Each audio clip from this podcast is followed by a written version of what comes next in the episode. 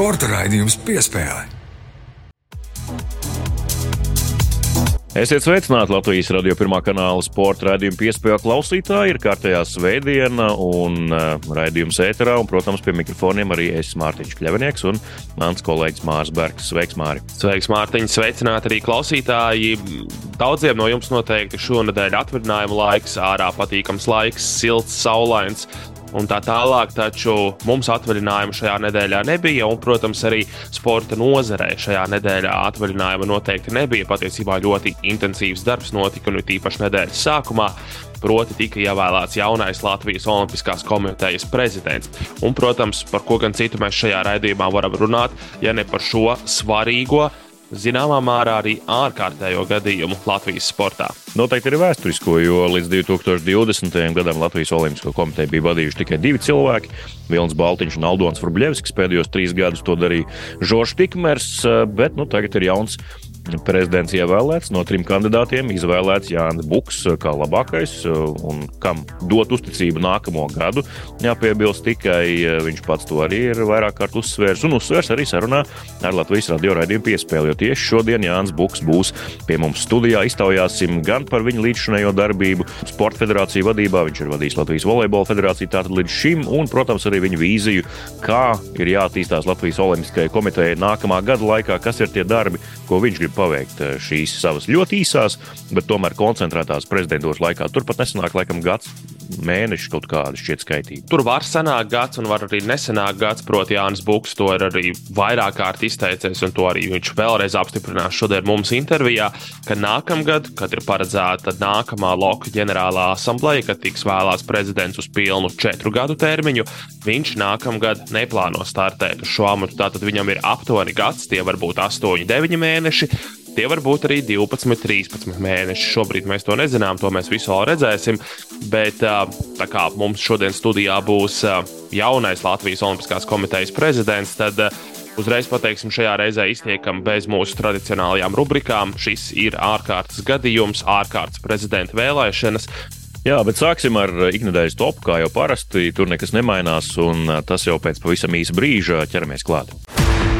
Sporta raidījums piespēlē.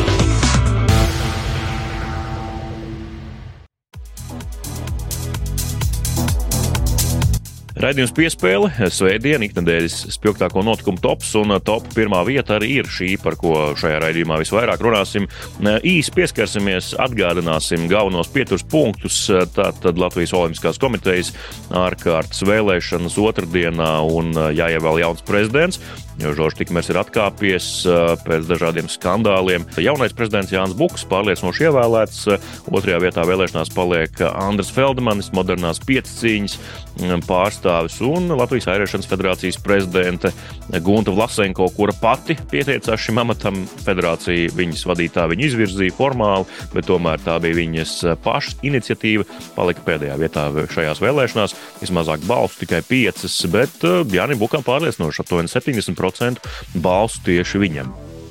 Jā, nu Jānis Puks tātad ar 68 balsīm tika ievēlēts šajā amatā. Pārliecinoši, varbūt pārliecinošāk nekā tika gaidīts, vismaz pēc tā, kas izskanēja publiski. Tomēr tika domāts, ka Bukam un Feldmanim būs aptuveni līdzīgs atbalsts, varbūt nedaudz lielāks Bukam taču beigu beigās eh, ļoti pārliecinoši viņš tiek ievēlēts šajā amatā, un tajā varēs tātad mēģināt realizēt savu vīziju, par kuru mēs dzirdēsim raidījuma turpinājumā.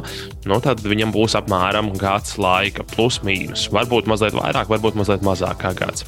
Jā, nu Jānis Buks, protams, izcēlās ar nedaudz emocionālu, kritisku uzrunu. Pēc tam arī viņš par šo uzrunu saņēma kritiskas replikas eh, no sporta nozares pārstāvjiem, it īpaši tiem, kas eh, nozarē ir bijuši tiešām ilgi, ir to pārstāvējuši un vadījuši kopš 90. gadiem. Bet uh, paudzes mainās, nāk arī jaunās paudzes sporta funkcionāri. Un, uh, Beig beigās, kā mēs redzējām, balsojums visu parādīja. Viņš ir pārliecinājis teju 70% no balstiesīgajiem loku biedriem, kas apmeklēja ģenerālo asambleju.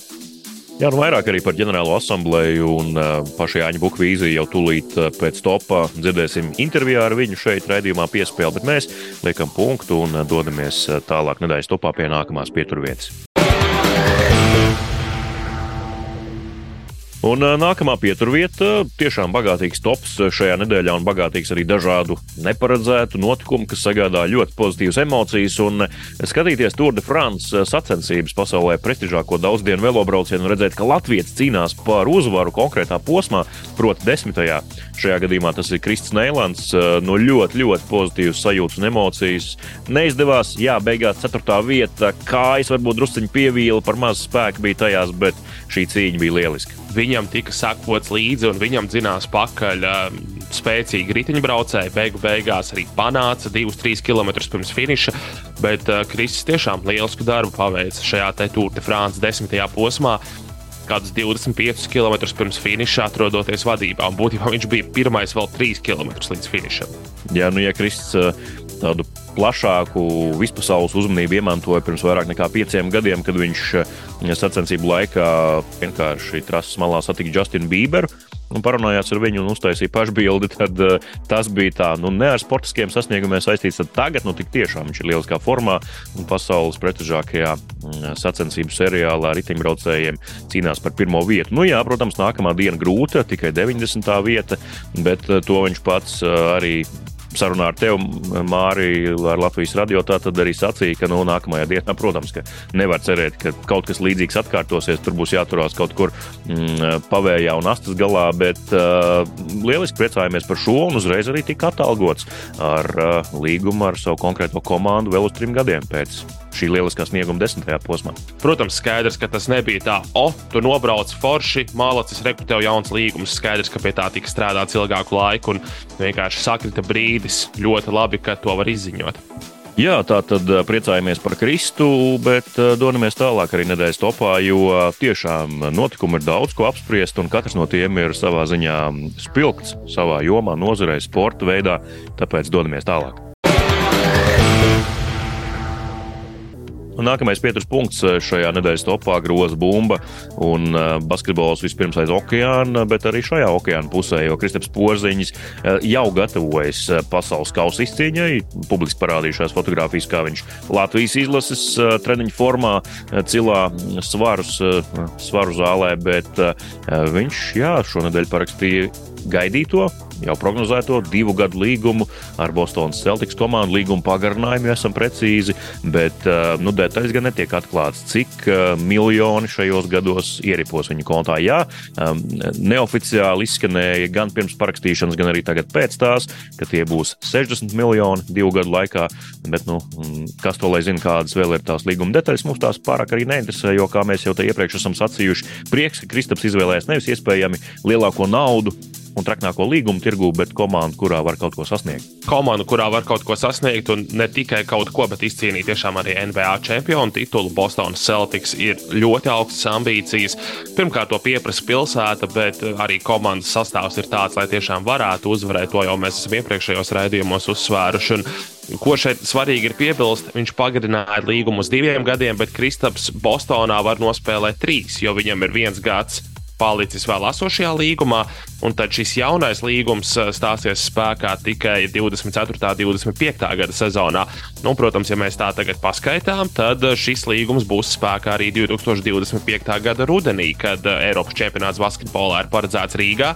Līdz ar to tajā brīdī Kristapam nebūs jāuztraucas par līgumu pagarināšanu vasarā un tā tālāk. Viņš varēs koncentrēties darbam ar Latvijas izlasi, gatavoties Eiropas čempionāta fināla turnīram savās mājās. Skaidrs, ka tas ir pēc diviem gadiem, bet tas ir jautājums, kas jau ir sakārtots kaut kādā mērā. Jā, gaidām uh, Kristapu arī šogad izlasē ļoti labā formā un uh, kā līderi. Cerams, ka līdzīga mm, loma viņam būs arī Bostonas Celtics komandā. Tur, protams, viņš būs viens no trim lielajiem līderiem un nebūtu ne pirmrīnieks, kam bumbu būs rokās vislielāko minūšu skaitu, bet tas jau arī, kā jau mēs teicām, nav svarīgi. Ja ar šo komandu var izcīnīt visaugstākās virsotnes NBA, tad tas tikai priecē. Neviens Latvijas līdz šim šādā pozīcijā Latvijā nav bijis, bet uh, Dārzs Bartāns, Latvijas izlases kapteinis, atgriežas mājās un tajā pašā klubā, uh, no kura pirms desmit gadiem aizbrauca uz ārzemēm, veidot savu karjeru ārpus Latvijas. Uh, tajā atgriežas Vefrīga, tātad uh, paraksta divu gadu līgumu ar Dāru Bartānu.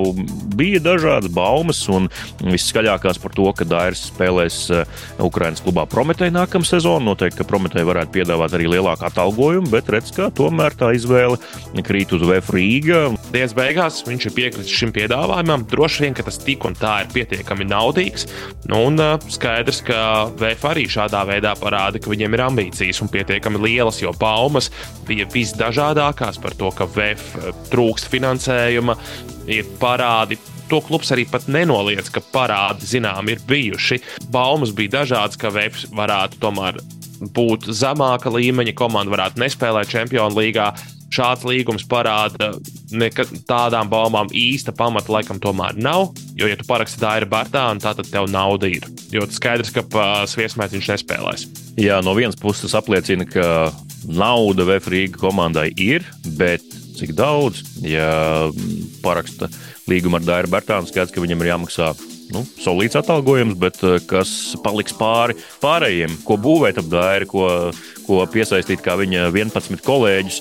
Nu, tas ir labs jautājums, un tāpēc gaidām arī ziņas no Vefrīga nometnes jau tuvākajā nākotnē.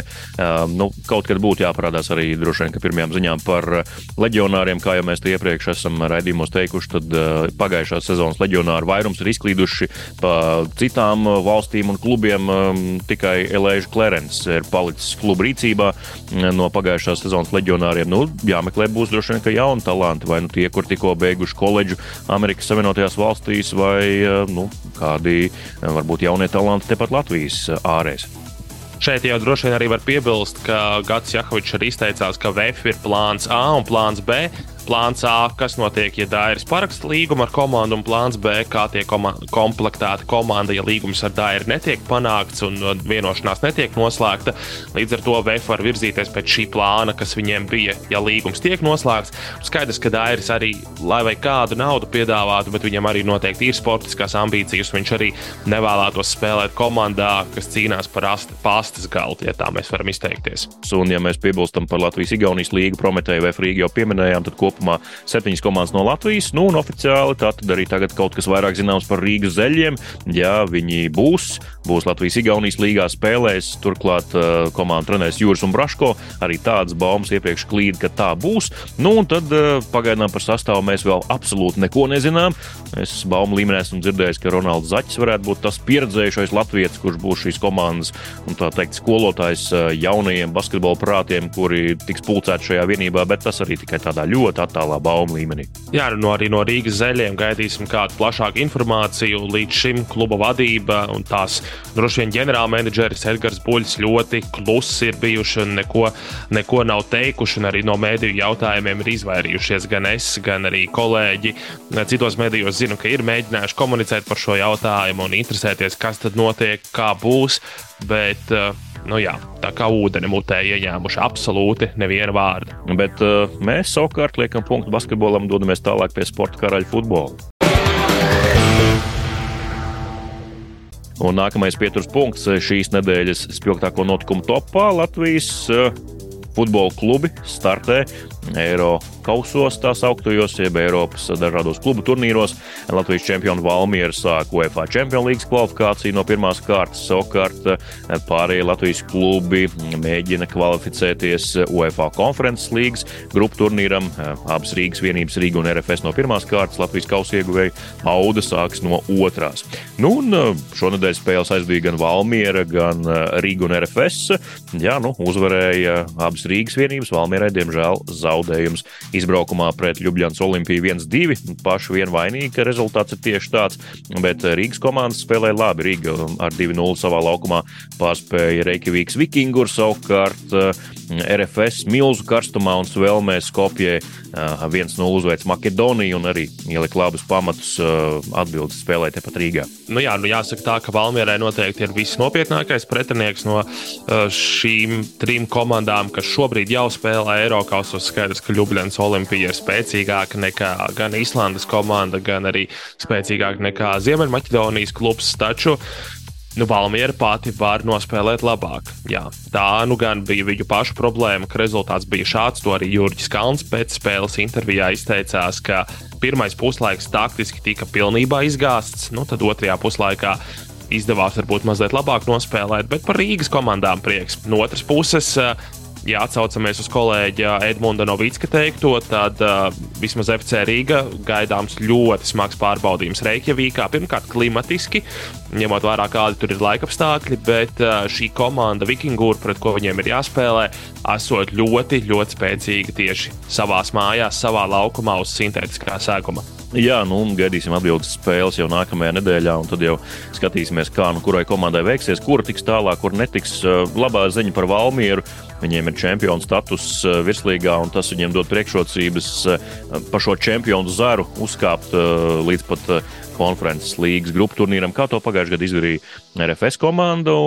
Tas ir savā ziņā vieglāks ceļš, jo zaudējot arī pirmajā kārtā UEFA Champions League, tu uzreiz tiec automātiski, cik es saprotu, trešajā kārtā UEFA konferences līgā. Valmiera netiek trešajā kārtā. RFS pagājušajā gadā izloze bija veiksmīga, un tāpēc viņi pat aizno tika trešajā kārtā.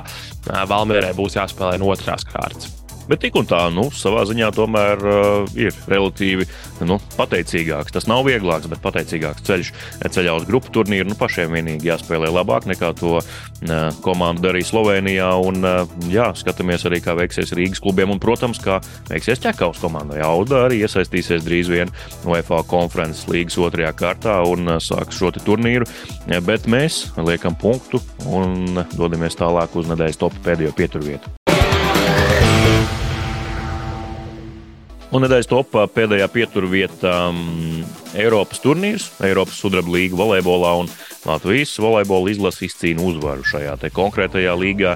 Priecājas viss Daugavas sporta nams, arī tiešām ļoti kupls skatītāju skaits.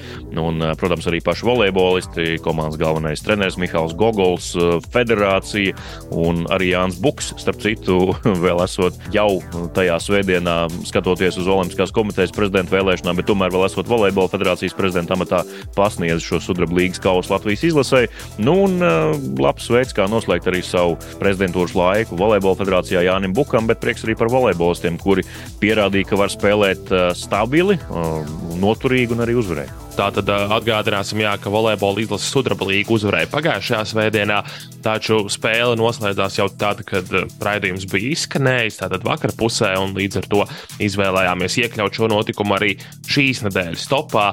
Un, jā, prieks par volejbola izlasi astoņās spēlēs, astoņas uzvaras, zaudēts tikai viens sets visā šajā laikā. Nu, tātad lielais uzdevums šai vasarai tika izpildīts. Volejbola federācijai, protams, tagad ir daudz darba. Viņiem ir jāatrod jaunais prezidents. Tas varētu būt primārais uzdevums, taču daudz un ilgi nevar domāt, jo ir jāparaksta jauna līguma ar nacionālo izlašu treneriem. Un nu, vīriešu izlasē ir jādomā, parakstīs vai neparakstīs jaunu līgumu ar poļu speciālistu Mihālu Gogolu. Viņš nu pat piekdienā šķiet tika izziņots kā galvenais treneris Japānas klubam. Japāna Japānā pirms kāds vīpsnā ir ārkārtīgi augsts volejbola līmenis. Japānas izlase ir viena no spēcīgākajām pasaulē. Tas, protams, ir kvalitātes novērtējums, ka viņš tiek aicināts trenēt Japānā kā galvenais treneris. Nu, redzēsim, redzēsim. Uzdevums ir izpildīts šai vasarai. Redzēsim, kā beig beigās federācija lems tieši par viņa nākotni Latvijas izlasē. Not, jā, manuprāt, un arī mūsu prāt, kā jau mēs esam apspriedušies arī savā starpā neformāli, būtu grēks, ja volejbola federācija pateikt, nē, mēs sakam paldies Mihālam Gogulam, meklējam kaut ko citu tirgu un mēģināsim atrast to jauno laimes lācu, kurš atnesīs uh, prieku un, un jaunas uh, zelta laikus uh, Latvijas volejbolam. Jā, nu tieši tā, ja federācija pat ir pateikusi, ka Latvijas volejbola spēles būtu stabils Eiropas čempionātu dalībnieks, tad Latvijas izlase regulāri brauc. Nevis vienreiz pa 25 gadiem, kā tas ir noticis, bet regulāri varbūt kādreiz netiek, bet pārsvarā tomēr tiek tad uh, mainīt treneri pirms svarīgākā turnīra, kas būs Eiropas čempionāta kvalifikācija, diez vai ir prātīgs lēmums.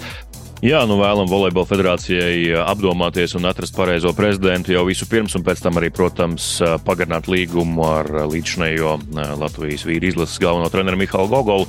Mēs liekam punktu nedēļas topam, vairs pieturvietu mums azotē nav, tāpēc mazs satāps brīdis un dodamies pie intervijas ar Latvijas Olimpiskās komitejas jauno vadītāju Jāni Buku. Piespēle. Studijā Mārtiņš Kļavnieks un Mārs Bergs. Un uh, lielajā intervijā šodien uh, cilvēks, kas iesaistīts mūsu nedēļas topā galvenajā notikumā, ko tikko jau jums pastāstījām, Latvijas Olimpiskajai komitejai, ir jauns prezidents Jānis Buks un Māri. Jānis Buks arī šodien pie mums studijā, vai ne? Tieši tā, nedēļas gaitā arī plaši atspoguļots notikums, protams, uh, lielākais notikums Latvijas sportā ne tikai šajā nedēļā, bet arī tādā jau ilgākā termiņā. Un Tik tiešām, jā, Latvijas Olimpiskās komitejas jaunais prezidents Jānis Buks ir pie mums studijā. Sveiki, Jāni! Sveiki! Labdien! labdien. Vai esat jau pieredzējis pie jaunā amata nosaukuma Latvijas Olimpiskās komitejas prezidents? Mm, protams, ka nē. Joprojām ļoti daudz laika jāpavada sevi jā, stāstot par jā, dažādās intervijās. Droši vien arī izzinot to, kas ir Olimpiskā komiteja no iekšienes, kā tā strādā, ir uzbūvēta vai ne. Tas jums arī tomēr viss ir jauns. Jā, tas man, tas man ir pilnīgi viss jauns. Vēl tik tālu neesmu ticis līdz tai, tai struktūra, e, vienību izpratnē, tādā, tādā līmenī vēl ne. Viena būtiska lieta, par ko es arī runāju savā priekšvēlēšanas kampaņā, ka ir ārkārtīgi svarīgi arī saprast to funkcionalitāti un tos e, darba pienākumus, kurus mēs veicam. Un, un, un ne tikai Olimpiskā komitejā, bet arī, arī visā, visā kopējā struktūrā, kur ir gan kapitāla sabiedrības. Gan... Tad, tad jautājums par reizes, ja ieminējāties, atceros Kaspars Gorkšs, kad viņu ievēlēja Latvijas Futbola Federācijas prezidenta amatā.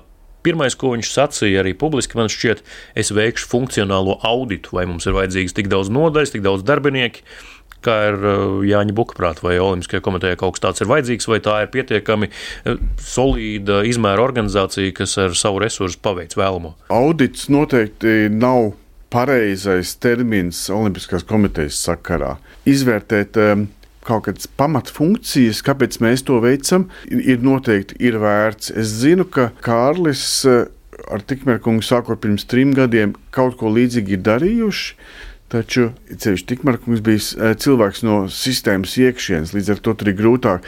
Manuprāt, eh, man būs vieglāk ar svaigu redzējumu paskatīties, eh, kāpēc mēs kaut kādas lietas darām, kāpēc mums ir tādas izmaksas vai, vai, vai savādākas izmaksas. Līdz ar to nu, mans mērķis ir dabūt to šo organizāciju eh, pēc iespējas efektīvāk. Jā, Žoržs Tikmērs savu prezidentūru iesāka nomainot daļu darbinieku Olimpiskajā komitejā, kur ir tās vietas un vai tādas ir, kur var griezt, var mēģināt ekonomēt, vai, vai nav, vai viss jau ir nogriezis, ko var. Vai jūs būsiet tā jaunā slota, kas tīri slaucīs un aizslaucīs arī kā Žoržs? Kaut ko prom? Man uh, noteikti nav nekā, šobrīd nekāda viedokļa par darbiniekiem. Es viņus tikai sāku iepazīt. Bija ļoti ražīga uh, saruna, ļoti produktīva saruna ar Andreju Elksnīnu no Dārgopils.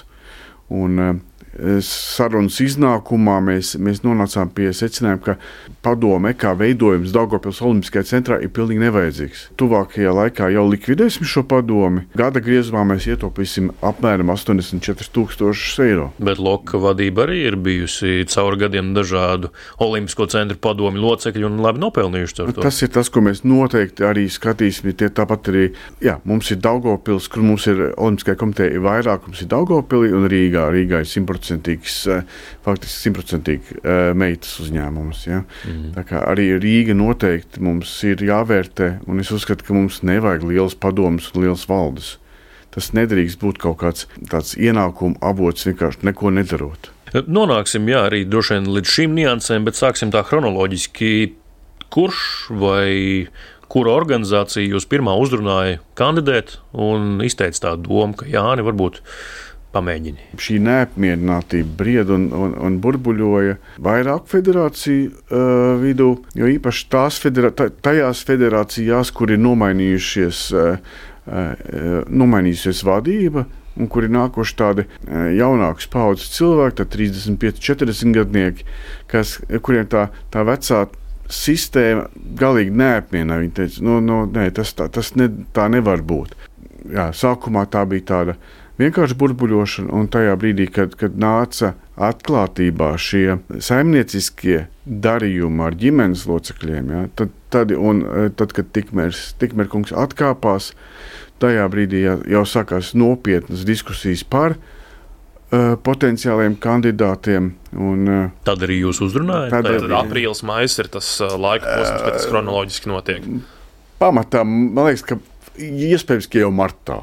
Tātad tas jau bija vēl laikā jā, pirms visas šīs lietas nāca atklātībā, jo tas mm. nāca gaismā aprīļa sākumā. Tad, tad teiksim, jā, tad iespējams, ka ap, ap, man ir visā šajā skrējienā kaut kāds, varbūt es kļūdos par, ar kaut kādu nedēļu nobīdi. Taču ta, jā, tas bija tas laiks, jau, kad tikmēr kungs atkāpās. Un, uh, bija, uh, nu, faktiski mēs apzinājāmies, ka ir tikai ir ļoti neliela, neilgs laika posms, kad ir jāizvirz kādi kandidāti. Daudziem cilvēkiem ir ierobežojums, ja, es domāju, vairāk tas ir psiholoģisks ierobežojums, šis valsts amatpersonas status kas eh, mani nebaida. Principā es gan neesmu bijis amatpersona. Es, nu, man būs jākļūst tagad mēnešu laikā. Man deklarācijas jā, būs jāiesniedz. Jā, jāiesniedz, un, eh, jāiesniedz deklarācijas. Jā, bet tas man nebaida.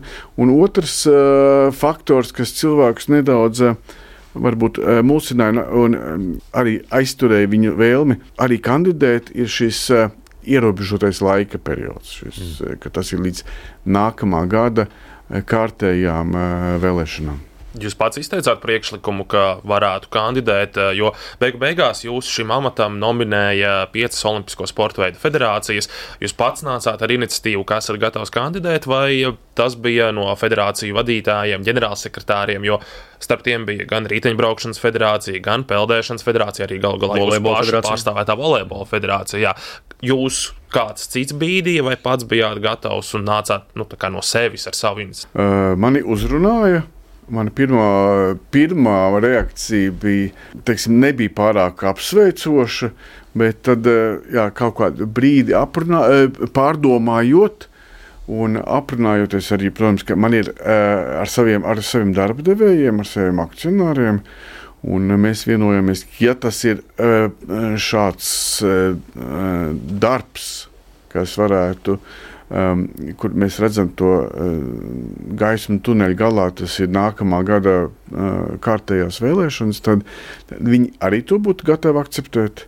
Tajā brīdī es teicu, ka es esmu gatavs. Jūs esat pārmaiņu laika prezidents, strādāsiet šo aptuveni gadu līdz nākamā gada ģenerālajai asamblējai. Tātad viens no apsvērumiem, kāpēc tas tā ir, tas ir saistīts ar jūsu pašu profesionālo darbību, strādājot Olaina farmu padomē. Protams, jā. Olaina farma ir mans uh, pamat iztikas avots. Un, un, protams, ka es arī e, uzņēmums atrodas fantastiskā pārmaiņu procesā, kur ir e, ļoti interesanti būt klāt, kad e, veido jaunu.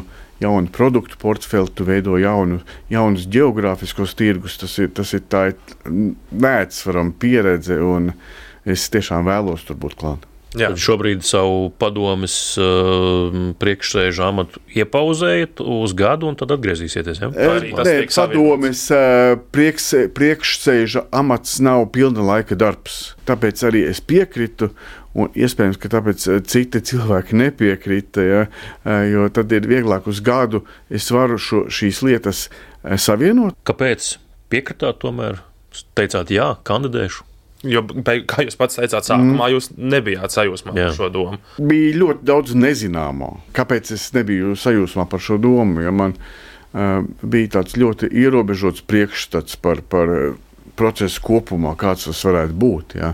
Tas, tas man mulsināja. Pārliecināja, kā es arī teicu, tagad ģenerālā asamblējā savā uzrunā, ja, tas, ka šie, ka ir, mums ir jauna paudze sporta pārvaldībā ienākusi, kas tiešām vēlās pārmaiņas, kam deg acis par, un nevis mēģina kaut ko iekampt. Un, un ar pēc principa, jo, jo tuvāk pie silas, jo vairāk kaut ko var, var iekamt, ja, bet viņi patiesi vēlās tādas pārmaiņas uz labu un pārmaiņas pēc būtības.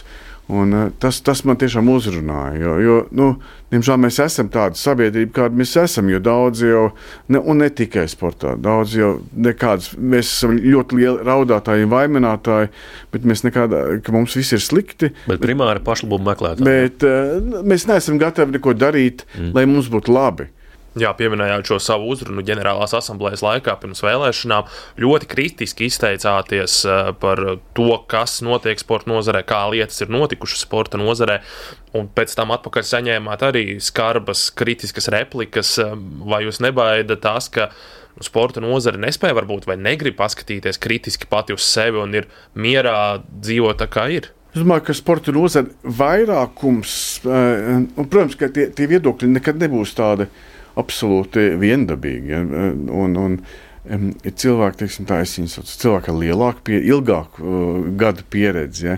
Viņi ir uh, loģiski mazāk elastīgi uz kaut kādām pārmaiņām, ja? un, un arī mazāk elastīgi uz tādu kritisku uh, skatu uz sevi. Ja? Uh, jaunāki cilvēki ir daudz kritiskāki. Kā, ja, ja mēs uh, pajautātu, jā, tā, tā jaunākā sadaļa, es domāju, ka viņi ļoti būtu ļoti piekrītoši manam, manam vērtējumam. Un es jau nebiju tik kritisks patiesībā. Nu, mēģinam, nu, ja mēs ska, skatāmies spogulī un mums nepatīk, kas, ko mēs tur redzam, nu, nu, nu, diemžēl ne, tā ir mūsu problēma. Lūdzu, kā, jūs, kā jūs teicāt arī šajā uzrunā, sporta nozara dzīvo nabadzībā, un to jau ir sporta federācija vadītāji arī nākot uz intervijām, dažādās sarunās teikuši, mums nav naudas tam, mums nav naudas šitam. Nu, nav jau melots, ko nu, ja, tādi mēs esam. Nu. Vēl viena frāze, kas man iekrita atmiņā, kas arī man šķiet apceļoja laikam visu lielāko mediju arī virsrakstus Latvijas sportā trūkst diženuma. Un, nu, diženums, kā nopratu, nevis tas, ka mums nav medaļu, jo tāds diženums ir Latvijas sportam, bet tieši šis, par ko jūs runājat, varbūt tāda cēluma, ja, tāda lielāka mērķa. Jā, mums pietrūkst tāda. Tā, tā, tajās arī mūsu savstarpējās vai... attiecībās cēlums, jā, jā, ka mēs, mēs esam gatavi viens otru noriet, viens otru uh, kritizēt, absolūti neieklausīties cita viedoklī. Ja. Maz, maz mums ir tā, tā, tā, tā diženuma tajās savstarpējās attiecībās, ka mēs ticam, ja viņš būtu vairāk, mēs arī būtu daudz. Uh, daudz vairāk uh, savā priekšā, savā attīstībā. Mēs barojamies no kaut kādām baumām, mēs visu laiku viens otru aprunājam. Un, nu, tā, tā, un tas ir tas, ko es esmu vismaz savā personiskajā rīcības plānā noteikti um, nolēmis, ka mums tas ir jāizskauž. Es nepiedalīšos nekādās baumās un baumu izplatīšanā jūs esat atklāti, kā jau mēs iepriekš runājām, pateicis, ka strādāsiet tikai šo aptuveni gadu. Vai jums nešķiet, ka varbūt tā pati sporta nozare var jūs uztvert nepietiekami nopietni? Nu, Pagaidā Buks te pastrādās, gadu kaut ko padarīs, bet nu, tad jau nāks nākamais, un tad jau skatīsimies, kā mēs dzīvojam. Vai nebūs tā, ka nu, ko tad viņš te pa gadu izdarīs, un tā tālāk, vai jums nerada tas bažas, ka jūs tik atklāti esat to pateicis. Ja jūs nākamgad nekandidētu, ok, labi.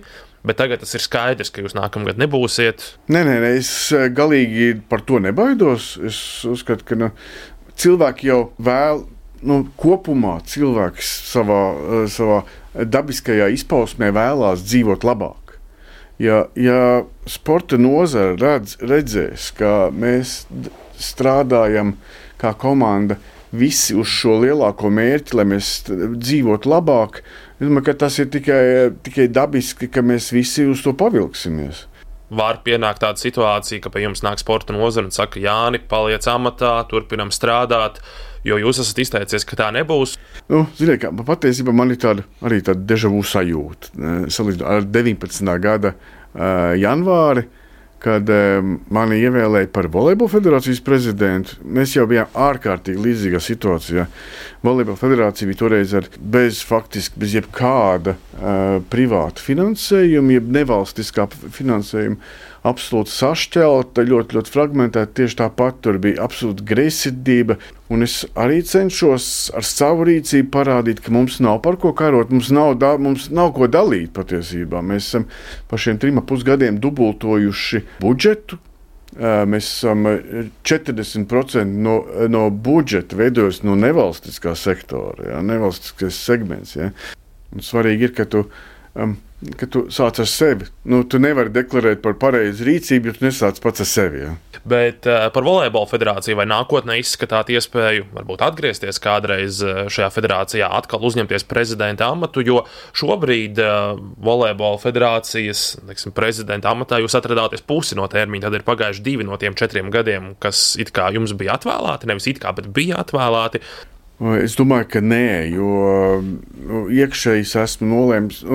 Tas nav tikai kāpēc mēs iestrādājam to Volejbola federācijas statūtos divu, divu termiņu prezidentūras, jo cilvēki ir jārotē un jāmainās. Un jānāk ir jauniem cilvēkiem iekšā.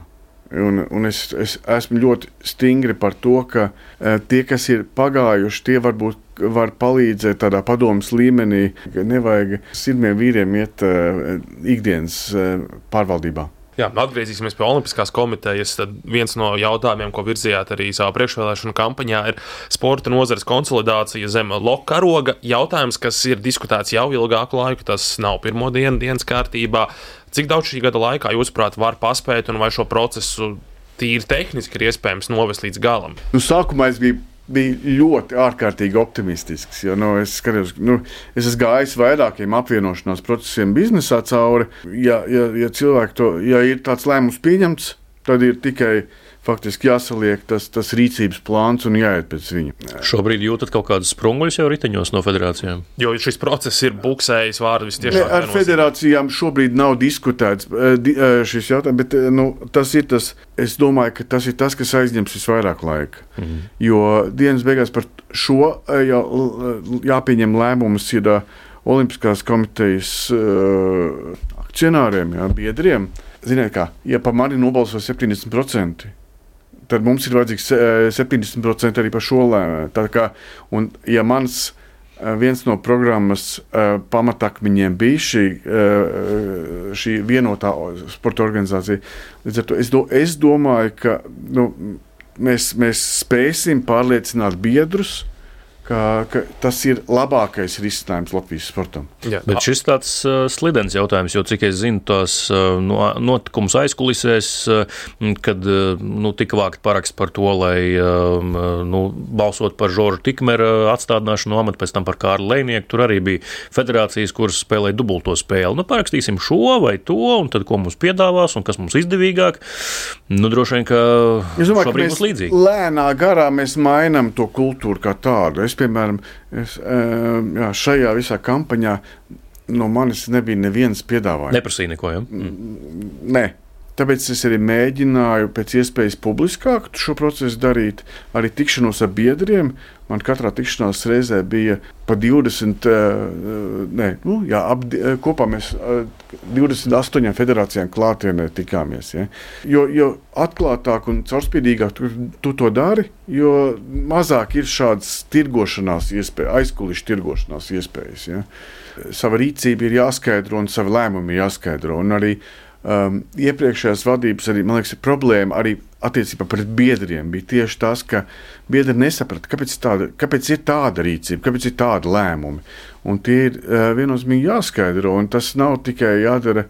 Um, es šajā brīdī runāju par, par uh, komunikācijā biedriem. Piemēram, tas ir skaidrošana uz iekšā. Jā, kas, savējiem. kas ir man ļoti patīk, kā Bites kungs ir ieviesis LDDK katru otro nedēļu LDDK biedri saņem biļetenus, kur ir ļoti detalizēti aprakstīts, eh, kas ir bijis, kādi lēmumi pieņemti un, un kāpēc. Un skaidros arī to visu arī ne tikai iekšēji, bet arī uz ārpusi. Protams, ja? protams un, uh, tas, ir, tas, ir, tas ir viens no pamatuzdevumiem patiesībā. Skaidrot, kāpēc tu dari tā. Mana eh, pārliecība ir, ka šis ir process priekš sporta, priekš, priekš nozares, tas nav priekš izēma. Mums ir jāveido uh, šī konsolidētā viena organi šī, jā, šī organizācija, priekš, kā nozares organizācija priekš sporta, jo tikai kopā mēs varam būt daudz spēcīgāki. Ja. Jānis Buks, Latvijas Olimpiskās komitejas jaunais prezidents, bija šodien Latvijas radio raidījuma piespēles studijā. Paldies, Buka kungs, ka atnācāt un pastāstījāt Paldies. par uh, savu vīziju. Paldies, vislabāk! Vislabāk! Piespēle! Tāda lūk saruna ar Latvijas Olimpiskās komitejas jauno prezidentu Jāni Buku. Gara, plaša, niansēta saruna, bet ētera laiks tik un tā ir ierobežots, un visu mēs jums nevaram atskaņot. Tā, protams, bija garāka saruna studijā, tāpēc meklējiet to arī raidierakstu vietnēs, visur, kur klausāties raidījumu piespēli. Tur būs arī nemontēta, plaša, aptuveni stundu gara intervija ar Jānu Buku. Jā, tieši tā, bet šīs nedēļas raidījums līdz ar to arī izskan. Vēl, vēlreiz tikai atgādināsim, ka raidījumu piespēle gan šo, gan arī citus raidījumus. Tātad var noklausīties jau iepriekš Mārtiņa minētajās raidierakstu, jeb podkāstu vietnēs. Nu, un, protams, to var meklēt arī Latvijas radio arhīvā, ja gadījumā jums nav izdevies dzirdēt raidījumu lineārajā apraidē. Jā, mēs sakām paldies un uz sadzirdēšanos līdz nākamajai svētdienai. Uz tikšanos!